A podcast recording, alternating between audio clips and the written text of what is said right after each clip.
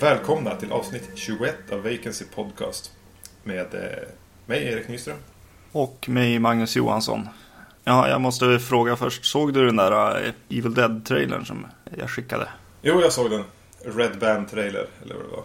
Vad tyckte du om den då? Det känns jättekonstigt att sitta och titta på den trailern när man just har sett The Cabin in the Woods. ja, jo, det är sant. Samma stuga och allt. Ja. Ja, och samma upplägg. Nej, jag vet inte. Jag var, kände mig inte överdrivet intresserad. Nu var ju det här Red Band-trailer liksom. Nu ska det ju vara det otäckaste på något vis. Eller i alla fall liksom äckligaste, eh, gissar jag. Men eh, ja, jag tyckte den blev lite obehaglig. Särskilt där, den där sista snutten som de har med. Jag blev lite förvånad hur mycket Evil Dead 1 den hade i sig liksom. Så du har fått lite förväntningar här? Ja, jag vet inte. Eller nej, jag tyckte mest att det var lite konstig riktning liksom den tog. Man skulle ju kunna tänka sig att den skulle bli roligare. Jag vet inte, den kändes ju allvarligare igen. Som första. Jag måste erkänna att jag tittade inte på trailern med någon jättestor koncentration. Det var med, med ett öga. Men... ja, jag tänkte på den här, vad heter det, de här träden bland annat är med. Som ju var en ganska otäck scen i första filmen. Ja, gud ja. ja. I förra avsnittet så pratade vi lite kort om eh, att Netflix hade kommit till Sverige. Och mm. Eh, bestämde oss för att vi skulle se två filmer och, eh, och valde väl en var där från utbudet. Jag valde Virus. Och jag valde Den amerikanska vännen. Ja, nu när vi har provat Netflix, hur, hur känns det? Du har ställt om lite grejer hemma eller? Ja, för mig blev det ett väldans projekt och jag var helt säker på att jag aldrig skulle lyckas med det. Eh, jag lyckades för det första koppla in en eh, trådlös anslutning till min, till min Xbox. Vilket jag inte ens visste att jag hade. Eh, jag tror att jag har fått den av dig. För du fick två helt plötsligt. Så jag hittade, hittade den i en låda och blev lite förvånad för jag hade hunnit glömma bort det. Men det gick på första försöket att koppla in så att jag hade trådlöst internet till min Xbox. Och det gick ännu lättare att få igång Netflix faktiskt. Mm. Så förutom att jag nu måste göra lite justeringar för att min Xbox inte ska behöva stå mitt på vardagsrumsgolvet och att jag gärna skulle vilja ha någon slags fjärrkontroll till den. Så är jag ganska nöjd. Jag har ju använt eh, Xboxen förr med den Zoom och eh, nämnde en tjänst eh, i förra avsnittet som jag tappade bort namnet på som heter Head, Headweb. Den är väl svensk tror jag? Ja, precis. Som kom just, just innan Netflix. De fick väl bråttom där.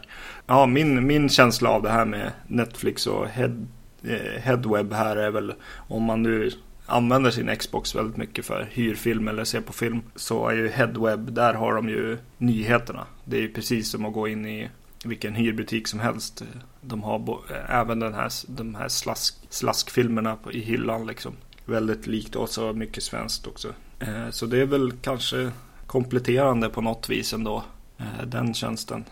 Men hur fungerar Headweb? Är det pay per view? Ja, precis. De tar 45 spänn per film eller vad det var. Så det blir den här hyrfilmsgrejen. Den är lite billigare än Soon Marketplace. För eh, Netflix har ju fortfarande som sagt var inte speciellt mycket nyheter. Och nu när jag har suttit lite mer med, med utbudet så är det ju inte jättestort ändå. Det är ett lite för litet utbud. Även om jag hittar ganska mycket filmer jag gärna skulle se så känns det ju som att de kan man ju ha sett inom en, någon månad så har man tömt utbudet på det man faktiskt är intresserad av. Mm. Sen eh, får vi väl hoppas att de fyller på det. Ja, precis. Och nyheter där är väl ungefär som, jag har ju höll på att säga Filmnet, men eh, Kanal Plus eller vad det heter nu för tiden. ja, jag tror att Filmnet är på väg tillbaks, i alla fall som namn. Men... ja ja, ja, det är väl ungefär liksom, det är några månader. Eller någon månad kanske gammal. Gamla nyheter. Tv-serieutbudet var också sådär. Det var ganska många de bara hade första säsongen på. Och det känns ju inte så spännande att, att se en säsong på en serie, fastna i den och sen faktiskt upptäcka att jag inte har möjlighet att se de resterande fyra säsongerna. Nej, det är sant. Men jag gillar hela upplägget med tjänsten och jag hoppas att det ska kunna komma lite större utbud, eh, lite mer filmer. För då är det ju definitivt något jag kommer att använda igen. Jo, definitivt för mig också. För att minska andelen plast i hyllan om inte annat. Mm, jo men precis de här halv liksom som står mellan liksom köp och, och hyr. Bland annat så har jag inte sett på jättelänge Sen jag var liten. Vad heter den? Goonies. Som ju finns där så att den kommer jag definitivt se. Sen, sen har jag sett att jag har börjat se eh, dokumentärer där också. Det är som en enkel grej när man kommer hem. Sätta igång. Jag försökte mig på att se lite, de har en avdelning med stand-up. Så jag började se Louis CK eller vad han heter. Och jag gav han 17 minuter av vånda och tristess. Jag börjar mer och mer vara lite rädd att jag inte har humor. Nej, precis. Nej, du gillar För jag tycker stå upp komiker är i regel aldrig roliga. Jag, jag var såg Ted på bio förra lördagen också. Mm. Och eh, den var ju inte alls rolig. Den var ju bara irriterande. Och jag, jag har ingenting till övers för den här nya vågen Judd Apatow-komedier. Jag tycker de är väldigt icke-roliga. Ja, men det är väl det. Eh, Humorn har stannat någonstans där. För mig. Ja, precis. på nakna pistolen eller någonting. Liksom. Ja. Ja, men... Två Eh, filmer var det då, kanske. ja, vi har ju sett Virus från 1999. Som var mitt val, för övrigt. Den handlar om några sjömän, är de väl. De är transporterade, drar en prom över havet, förlorar den i en storm och eh, driver fram till ett annat stort fartyg, stort forskningsfartyg som är helt övergivet. Och de får för sig att det här ska vi eh, bärga och få bärgnings... Eh, någon slags belöning man får då. De kliver ombord på båten för att kolla att det inte finns någon där. De börjar upptäcka att det är någonting vid liv på, på, på fartyget men det verkar, och det är inte besättningen. Nej. Och mer än så tror jag inte man behöver säga så behåller vi lite av mystiken vid liv. Även om de punkterar den själva ganska effektivt med en liten sekvens som kommer före allt jag har berättat nu. Eh, ja, men precis. Men det här är ju eh, på något sätt någon slags variant på Alien och även Event Horizon. Och... Väldigt mycket Event Horizon och Ja. även lite grann The Thing. Ja, precis. Utan paranoian kanske. Mm. Men den är väldigt lik. Bo- Borda ett fartyg. Skräck. Det är Jamie Lee Curtis, eh, William Baldwin och eh, Donald Sutherland som är väl headlines här. Ja. Eh, Jag måste säga att jag trodde direkt när jag såg omslaget. Eller jag har alltid, jag har alltid sett det här omslaget ibland så här. Men jag har alltid trott att den utspelas i rymden. Det är som en planet och en stor konstig cyberblixt. som, som klär omsl- omslaget. Och en bild på Jamie Lee Curtis och William Baldwin. Och, och så är allting bara så här blåtintat. Vilket fick mig att bara, ja nej men okej det är en sån där rymd alien-film liksom. Eh, Du hade inte sett den tidigare? Nej, det hade jag inte gjort. Jag hade sett den här när den, på TV, så där, de år det tog för den här att gå på trean klockan 22. Mm. Så någon gång då, tidigt 2001 kanske, jag såg den på TV. Eh, och när jag valde så ska jag faktiskt eh, säga att jag hade blandat ihop den här med en annan film som jag trodde att det var. Okej. Och det är vad heter, eh, Deep Rising. Som kommer året innan. Och som är regisserad av han Summers, han som gör Mumien-filmerna. Ja. Det är exakt samma premiss fast det är ett annat hot ombord på fartyget. Jag tänkte också lite grann på eh, den här Ghost Ship. Men det är inte riktigt samma men ändå. Nej, det är nästan en helt egen genre det här. Ja. Att eh, kliva ombord på ett övergivet fartyg om det sen är på vattnet eller i rymden. Det, Ja, precis. Eh, Redan från, från början så känns det som att, eller framförallt kanske i, i öppningssekvenserna när man får träffa den här besättningen. Att, eh, att Jamie Lee Curtis känns som hon spelar typ 25 mm. eh, åring i den här filmen. Och samma sak egentligen med William Baldwin. Och eh, jag var tvungen att kolla upp och Jamie Lee Curtis var 41 och, och William Baldwin var 36 när den spelades in. Good for on them. ja, det blev lite krock med hur gammal hon faktiskt är och vad jag känner att karaktären borde vara. Här var ju ändå filmen Jamie Lee Curtis gjorde året efter eh, Halloween H2O. Alltså det- efter då hon fick en liten uppsving igen. Man tänkte att Jamie Lee Curtis kanske kunde komma tillbaka.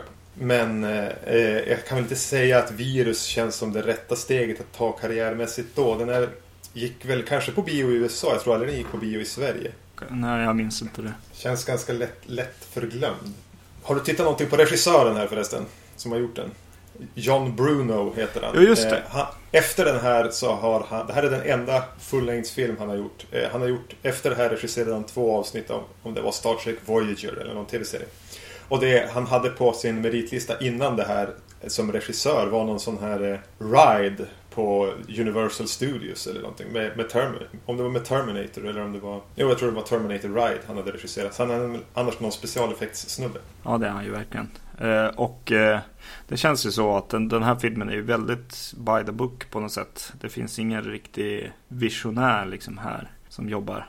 Eh, det handlar mer om att filma liksom, något manus som någon eh, executive producer har köpt vid något tillfälle. Och, och det känns även som att hela crewen är så här, plockad av folk som ändå är kunniga. Liksom. Eh, de gör, gör det här liksom varje helg egentligen. Gör de en, en ny film, eller på att säga. Eller varje vecka är det en ny eh, filminspelning. Ja, det, är inte mycket, det är inte mycket finess i, Nej, precis. i den här. Nej, och så, ja men det säger väl allt på något sätt att de sätter en specialeffektskille här för att det behövs ingen riktig regi. Alla, alla är ändå proffs måste jag ändå säga eh, på, mm. på vad de gör. Men, men inga sådana här, ja, eh, kanske väldigt drivna liksom eh, regissörer eller ja, filmskapare egentligen. Klart de sparade lite pengar genom att låta den specialeffektskillen även regissera så behövde de inte anställa två personer. Nej precis, nej det känns lite grann som när ja men han Dolph Lundgren har ju börjat regissera filmerna han är med i för att ja men det är väl lika bra att han gör det liksom. Han har ju ändå gjort, gjort det här före på något vis. Det är bara att fortsätta liksom. Åka och filma nästa actionrulle. Eh, det, det är ganska snabbt i filmen började störa mig lite grann eh, var hur trött musiken var. De har köpt in ett så standard som låter ungefär ljud som de kastar in då när, när de tycker att det behövs försöka eh, dopa en scen med lite spänning. Mm. Andra gången man hör det så är man less och det var trött första gången. Ja. Nej, man tänker lite på The Thing som sagt och i den här filmen. Förutom, ja precis som du säger, vem är vem? Är vem? Ja, och ibland får man till och med bibbar av den här originalet eh, av The Thing. När det står en massa folk i dörröppningar som man inte riktigt ser. är väldigt, mm. ja, påminner väldigt mycket om sån klassisk monsterfilm. Tänkte du på hur, hur starkt sent 90-tal den här är? Mm. Det är sen, eh, som ett slags 90-tals blått sken i bakgrunden. Det var tydligen populärt att ljussätta med en slags blåton. Och väldigt mycket, väldigt mycket rök. Ja, det är någonting, den är så fruktansvärt 90 eh, sent 90-tal. Ja, det är det verkligen. Lite nostalgisk blir jag nästan av det. På tal om det. Jag, när jag hade sett den här på Netflix så, sa, så rekommenderade Netflix att jag skulle se lite film. Under eftertexterna så dök det upp liksom lite förslag på vad man skulle se. Och den föreslog The Faculty, den där Phantoms och Resident Evil första. Det var lite talande kan jag tycka. det, det, måste vi säga att en eloge till Netflix för de prickade in ganska bra. Sy syskon till den här. Ja, verkligen. I, i på något slags anda och tidsanda och känsla. Mm. Jag måste säga att Faculty var faktiskt en av filmerna jag eh, funderade på att välja när vi skulle bestämma. Ja. Jag skulle ta mitt val. Men det blir väldigt mycket smyga runt på en båt i virus. De, mellan, och, och, och söndra gruppen så att de delar upp sig på olika ställen och smyger runt man börjar, eller jag börjar så här irritera mig på grejer. Alltså sådana här logiska luckor och sådana grejer. Och det är aldrig riktigt bra kan jag tycka. Bland annat så träffar de en, eh, en överlevande person här på, på skeppet. Eh, och eh, den, eller hon har en gasmask på sig just när hon dyker upp. De öppnar typ en, en garderob eller vad det är och så, och så vet du, står hon och skjuter mot dem. Och så har hon gasmask på sig jag, jag satt ett tag och bara, men varför har, när kommer de förklara varför hon har ga, gasmask på sig? Så här. Men det var ju förstås för att avslöja se efter en stund att hon var ju en tjej då. Lite, lite illa kan jag tycka. Och så, ja, åh det är en tjej och så ger de varandra blickar så här som att oj, oj, vi höll på att döda en tjej här.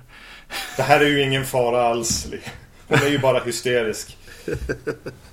ja. Uh. Och, och, och, en annan sak. Varför har Jamie Lee Curtis lagt på en hosta som karaktärsdrag på sin karaktär? Hon hostar otroligt mycket. Nu kan man ju kanske tro att det ska ha någonting med titeln att göra. Med gasmask och att någon hostar. Men det, det har det inte. Nej, nej. Det ingår inte alls. Men det är någonting med Jamie Lee Curtis har gjort som, som att eh, när hon blir rädd eller har gjort, utfört någon slags actionsekvens så bara hostar hennes karaktär en massa. Du tror inte att det är Jamie Lee Curtis som är i dålig form? Ja. Så att hon har rökt för mycket. Rökte mellan tagningarna. ja, så kan det vara. Det jag tänkte på var att hon hade ett kors runt halsen. Tänkte att det där är någonting de ska göra någonting med. Men det var det då inte heller. Förmodligen också Jamie Lee Curtis egna kors. Ja, det. Det blev ju billigare så. Jag kan ändå tycka det är lite schysst med båten de är på. Både när de eh, glider upp mot den och när de trampar runt på båten. För det, det, känslan är ju ändå att de är faktiskt ombord på ett fartyg. Mm. Det är inte någonting som är byggt i studio. Det känns väldigt fysiskt, väldigt... Det, det är ett stort fartyg i plåt, stål. Mm. Som de går runt på. Det känns väl kanske lite grann som jag famlar efter halmstrån att hitta saker som man kan tycka är bra. Men det, det gillar jag. Och att det hänger väldigt mycket kablar överallt. Det är så kabelstegar där det hänger ner kablar och det kan vara något trasigt i någon vägg där det hänger ut kablar och det ligger kablar över golvet. Och, mm. det, det, det, är rätt häftiga miljöer ur ett, återigen något slags nästan, jag blir lite nostalgisk. Mm. Jag, jag, tänkte på, jag tänkte lite grann på, på Superman 2. Eller nej, 3 måste det vara. Där någon får en massa sladdar i ansiktet och grejer. Mm. Ja men överhuvudtaget, det känns ju som att det är kul med, med mycket praktiska effekter också. Ja, ja. Det blir, det blir ju lite mer autentiskt på något vis ändå. Ja, nej, men det var kul att se att det var mycket praktiska effekter som påminde både om The Thing och eller i alla fall hur man använder effekter i The Thing och så i vad det, ja så går det ju inte att inte tänka på hardware för mig. Mm. Nej, jag tänkte också på den. Jag kan tänka hur irriterad jag hade blivit om det hade varit massor med dåliga datoranimerade effekter. Men som sagt, det blir någonting autentiskt med de här fysiska. Är det några datoranimerade? Det är någon, någon eh, port som blir inslagen som är väldigt så här. Ja, men okej, det där var ju en dataeffekt och någonting som, ja, någon, lite så här flygande grejer mot kameran och sånt. Men de använder det ändå ganska bra. Ja, precis. Jo, absolut. Eh, en highlight för mig det är ju eh, hela scenen egentligen i kommunikationsrummet. jag vet inte, jag, jag gillade det när de så här, eh, först att kaptenen bara tänker på, på pengar hela tiden och de vet det, pratar med hotet här och någon, någon i, i gänget får panik och Ja, och så att Baldwin här står och liksom bara rakt måste säga så här, förklara planen för tittaren. Jag, jag vet inte, jag, jag, jag, uppskattade hur liksom rak och, eller hur, och hur mycket som hände i den och så där. Ja, jag gillade det. Och kaptenen där, det, hans, ja han blir som en rolig karaktär på något vis. Ja, ja. Det, alla karaktärer är ju ganska snabbt tillyxade för att fylla en funktion snarare än att vara en karaktär. Men det kunde jag ha överseende med. Det här är ju egentligen det är ju en B-film. Den är ju inte bra egentligen på, no på något plan. Nej. Men eh, det, jag blir aldrig irriterad över att den är dålig. Den stör mig aldrig. Och den går ganska snabbt förbi. Tyckte, jag, jag blev nästan förvånad att de, när jag förstod att de var framme vid slutet. tänkte jädrar. Alltså det, kommer, det, kommer det en knorr till eller är det här faktiskt slutet? Mm. Jag tyckte den gick ganska snabbt förbi. Jag hade aldrig tråkigt. Plus att jag Nej. gillar det här. Att den, just den, den känns nostalgisk för mig. Från en, när man själv hade börjat se ganska mycket film. Och ja, när man var i, i tonåren själv, sena tonåren. Ja, men det är väl just det där att eh, när den görs by the book så är det liksom inte heller. Det är en ganska bra skriven bok som de gör den efter. Nej, men jag vet ja. inte. Eh, det känns som att eh, det är inget som sticker ut som det så här, jätteirriterande dåligt och sådär. Men det, ja, samtidigt är det den värsta skitfilmen. Eh, det är ju mm. inget egentligen som man behöver ödsla tid på egentligen. Nej, gud nej. Nej, precis. Men, men den irriterar i alla fall inte. Nej, det, är, det är lite mysigt att sitta och känna igen i princip allt som kommer att hända. Man kan formulan och det kan vara lite trevligt. Ja, precis. En typisk hyrfilm brukar jag säga. Eh, jag tror jag hade varit mer irriterad om jag hade eh, kommit ut ur biosalongen. Ja, precis. Men, men vi kanske släpper, släpper virus eller virus. Mm. Jag är faktiskt lite imponerad att vi lyckades ha så mycket att säga om den ändå. ja. Men det var kul att se Emily Curtis också. Ja, precis. Nåväl, den andra filmen vi sett är ju då Wim Wenders The American Friend eller Den amerikanske vännen eller Die amerikanische Freund. För att använda tre olika språk. Mm, från 1977. Den handlar om eh, en eh, ramtillverkare egentligen. Mm. Som eh, jobbar i Tyskland. Folk i den undre världen börjar få en nys om att han eh, nog förmodligen är väldigt eh, sjuk och döende.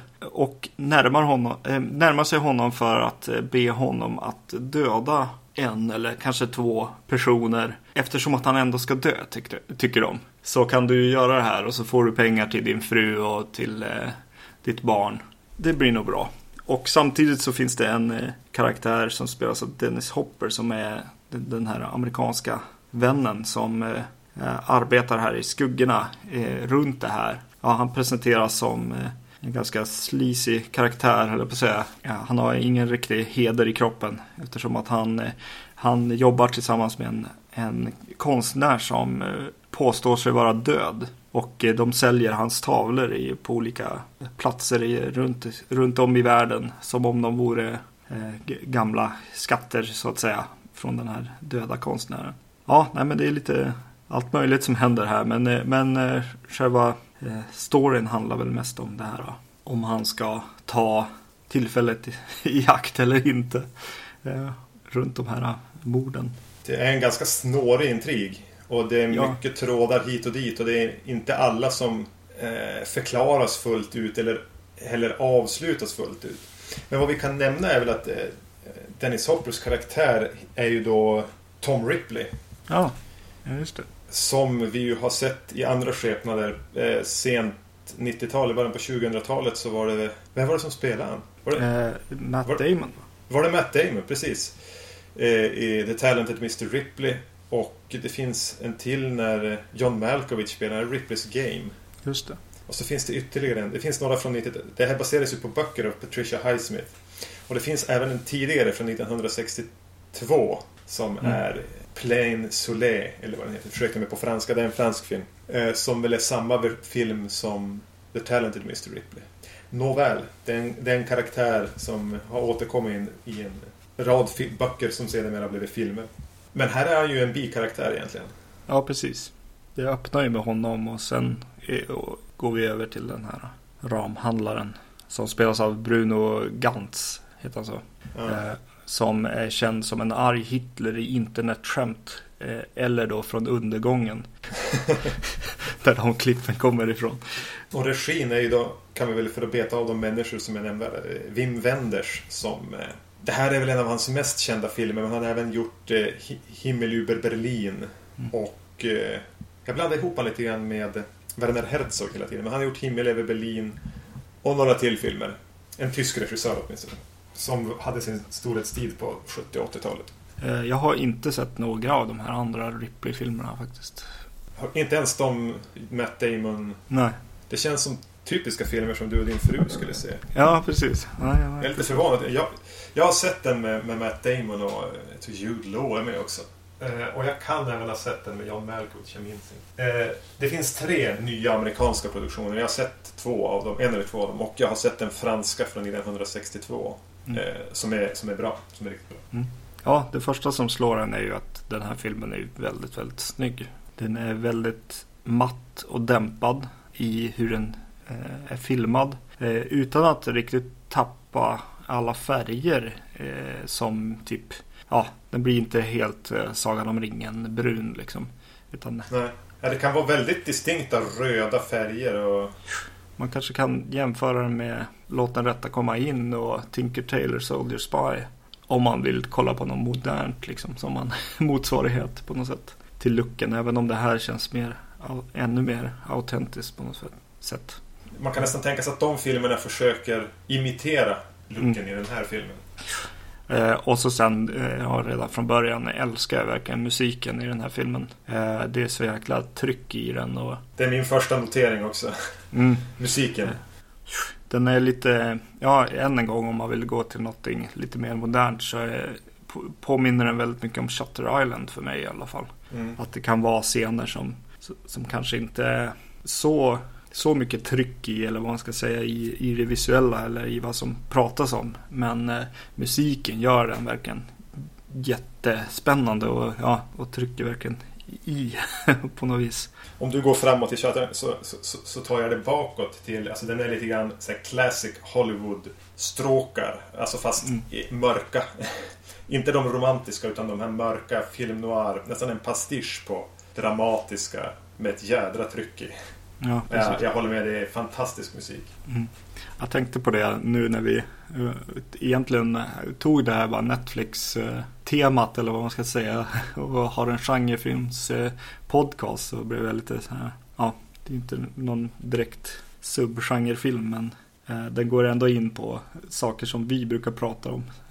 Ja. på något sätt de här. Saker som vi gillar. Ja, precis. Ja, jag gillar också en del av dialogen och hur de är, ja men hur, hur han är en väldigt, alltså den här eh, Bruno Gantz karaktär, eh, Zimmerman, hur han är tillbakadragen och ganska tystlåten och dialog mellan han och krocken mellan den här amerikanska vännen då, Dennis Hopper. Och, ja, det är väldigt spännande eh, rollporträtt på något sätt. Mm. Eh, och det känns faktiskt som att det är hela filmens grej. Alltså just att den är så här, den är väldigt snygg, eh, bra musik. Det känns som att det är väldigt mycket stil i filmen. Men eh, skådespelarna, insatser och eh, att det finns mycket så här hjärta brand in i allt det här ja, också. Och, lite, och spänningen gör, gör att den fortfarande är en, en film som inte bara eh, det är inte bara yta.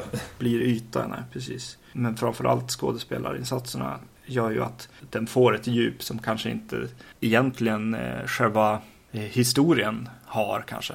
Nej, jag får också en känsla av att de har faktiskt lyckats göra en bättre film än vad boken kan vara. Nu har jag inte läst den, men det känns som att de har, eh, Wim Wenders har lyckats göra en mycket intressantare film än vad boken kan vara bra. Säger jag utan att ens ha varit i närheten av att läsa den. Ja, precis.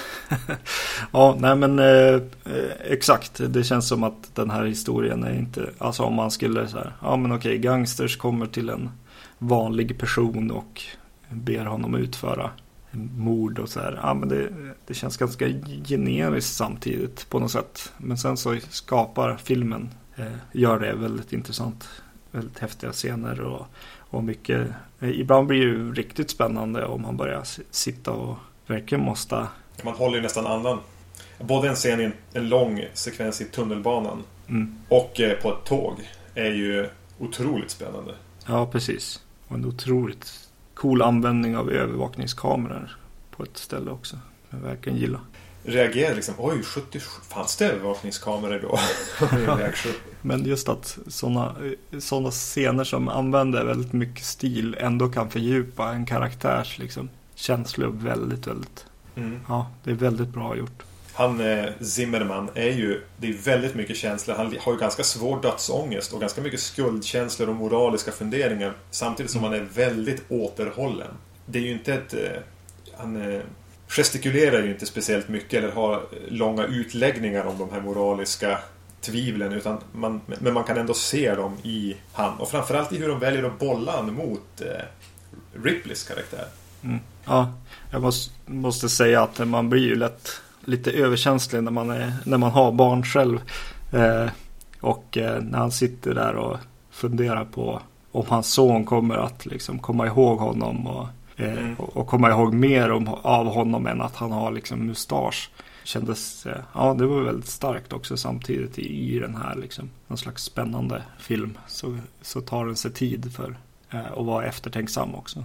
Just det, Ripley-karaktären. Filmen hade ju, alltså rent storyn hade ju kunnat existera utan att man hade blandat in Ripleys karaktär egentligen. Ja. Han är ju en bikaraktär som mer finns där som ett slags, just för att plocka fram delar av Zimmermans karaktär. Ja, precis. Man undrar liksom egentligen hela tiden vad hans roll i det här är tills, ja, tills en viss, viss punkt i, i och för sig. Då blir det lite klarare, men ja. Jag är fortfarande riktigt klar med vad som är hans... Vad är Ripleys agenda? Vad, vad, vad vill han? Och varför gör han vissa saker som han gör? Mm. Först är ju aldrig solklart. Man Nej. får ana sig till ganska mycket. Och sen har han jättekonstiga kläder på sig. Ibland har han någon slags beige jumpsuit. Vad det ser ut som. Det kanske är byxor och en lång skjorta. Men det ser ut som att han har en, en beige overall och eh, cowboyhatt. Ja. ja, nej men det är ju intressant just det. Och egentligen så känns det ju som att han funderar på det här själv också. Han, han, han är något slags skal av en man på något vis. Han vet inte varför han gör de här sakerna själv på något vis. Känns det nästan som ibland och så här. Ja, det är väldigt starka scener ibland också liksom. Ja, som sagt, fördjupande av karaktär. utan att säga någonting rakt ut. Liksom. Mm. Det är ganska intressanta vänskapsscener mellan Ripley och Zimmerman. Hängde du med i, i slutet helt och fullt? Eh, Eh, nu ska vi inte avslöja några, eh, exakt vad som händer men det dyker upp några män i, en ambulans till exempel. Som Ja. eh, inte är deras vänner. Man känner igen några av dem sedan tidigare. De tycks ha kidnappat ytterligare en karaktär och framförallt ligger det någon i ambulansen med bandage i ansiktet. Ja. Som verkar vara en av skurkarna. ja, precis. Ja, Vem är det? Ja, precis. Man får välja någon tror jag som har varit med i filmen lite grann. Ja, Ja, precis. Eh, Det är lite kul att den är globetrotting också filmen. De åker runt liksom. Den utspelas till stor del i, i eh, Hamburg, någonstans i Tyskland. Men de är även till Paris och till en annan tysk stad och tillbringar tid på ett tåg. Och New York. Eller? Utan att de gör... Är det där när jag träffar den här Konstnären ja. konstnären? är? Börjar jag och slutar där. Mm. Konstnären säger till Ripley, ska du verkligen springa runt i hatt i Hamburg? Ja. Ska du ha cowboyhatt i, i Hamburg verkligen? Ja, och så gillar jag eh, bild, ja, jag gillar de här bilderna där kameran blir nyfiken känns det nästan som på hur manickerna i eh, det, den här Zimmerman har en hel del liksom manicker som har med att visa bilder och bland annat en sån här Zoe-trope, vad heter de? Ja men eh, sån här eh, Snurra. snurrar ja, och så kan man titta in i den så, så ser man animationer liksom i, där inne. Och då, ja, kameran verkligen tittar in på de här ganska ofta i filmen. Det är så mysigt, eh, någonting att fundera kring på något vis. Som lämnas ganska öppet. Ja, på tal om en bild också. Jag tycker det är fantastiskt när han... Det är skitcoolt om jag ska säga så.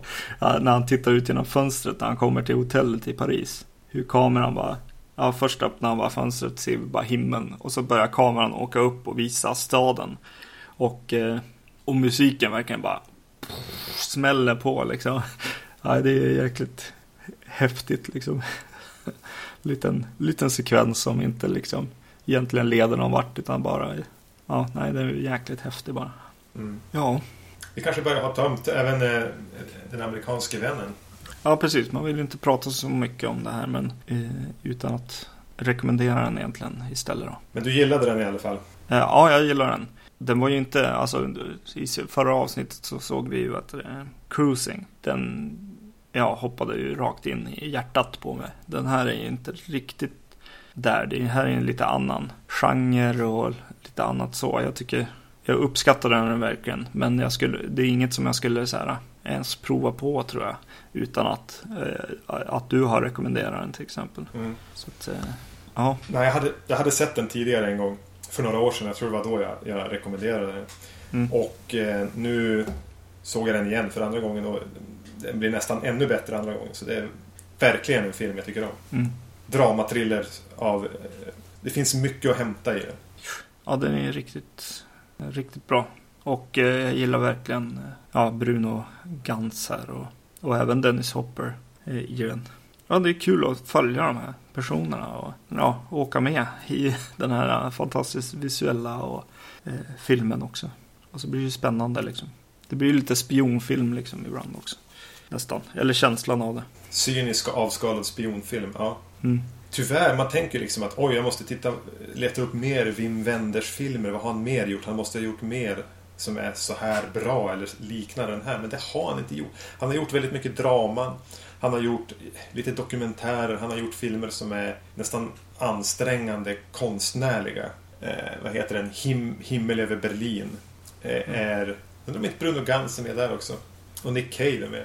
Är väl den som är mest känd med änglar som vakar över folk och en av änglarna blir förälskad i en. en. Den är väl rätt okej men den har segment med, med, en, med en voice-over som blir så påfrestande konstnärligt och poetiskt utan att det berör. Utan, utan tvekan är det här Wim, av de filmer jag sett av Wim Wenders hans bästa film och det är egentligen den som det räcker att man ser. Ja. Nej, väldigt kul att ha fått se den här filmen. Jag rekommenderar den starkt. Kan vi rekommendera Netflix lika starkt då? Ja, jag kommer nog hänga kvar ett tag i alla fall och se vart det är på, på väg och så. Och se lite annan sån här slaskskräck där.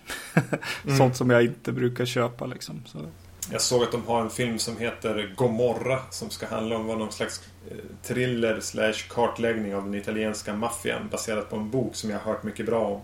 Men som jag inte tagit mig för att se. Den hade jag tänkt se i alla fall. Och jag ska se Goonies. Vi har faktiskt eh, även bestämt nästa avsnitt redan nu. Mm. Och vad ska, vad ska vi se då? Och varför ska vi se just den filmen nu?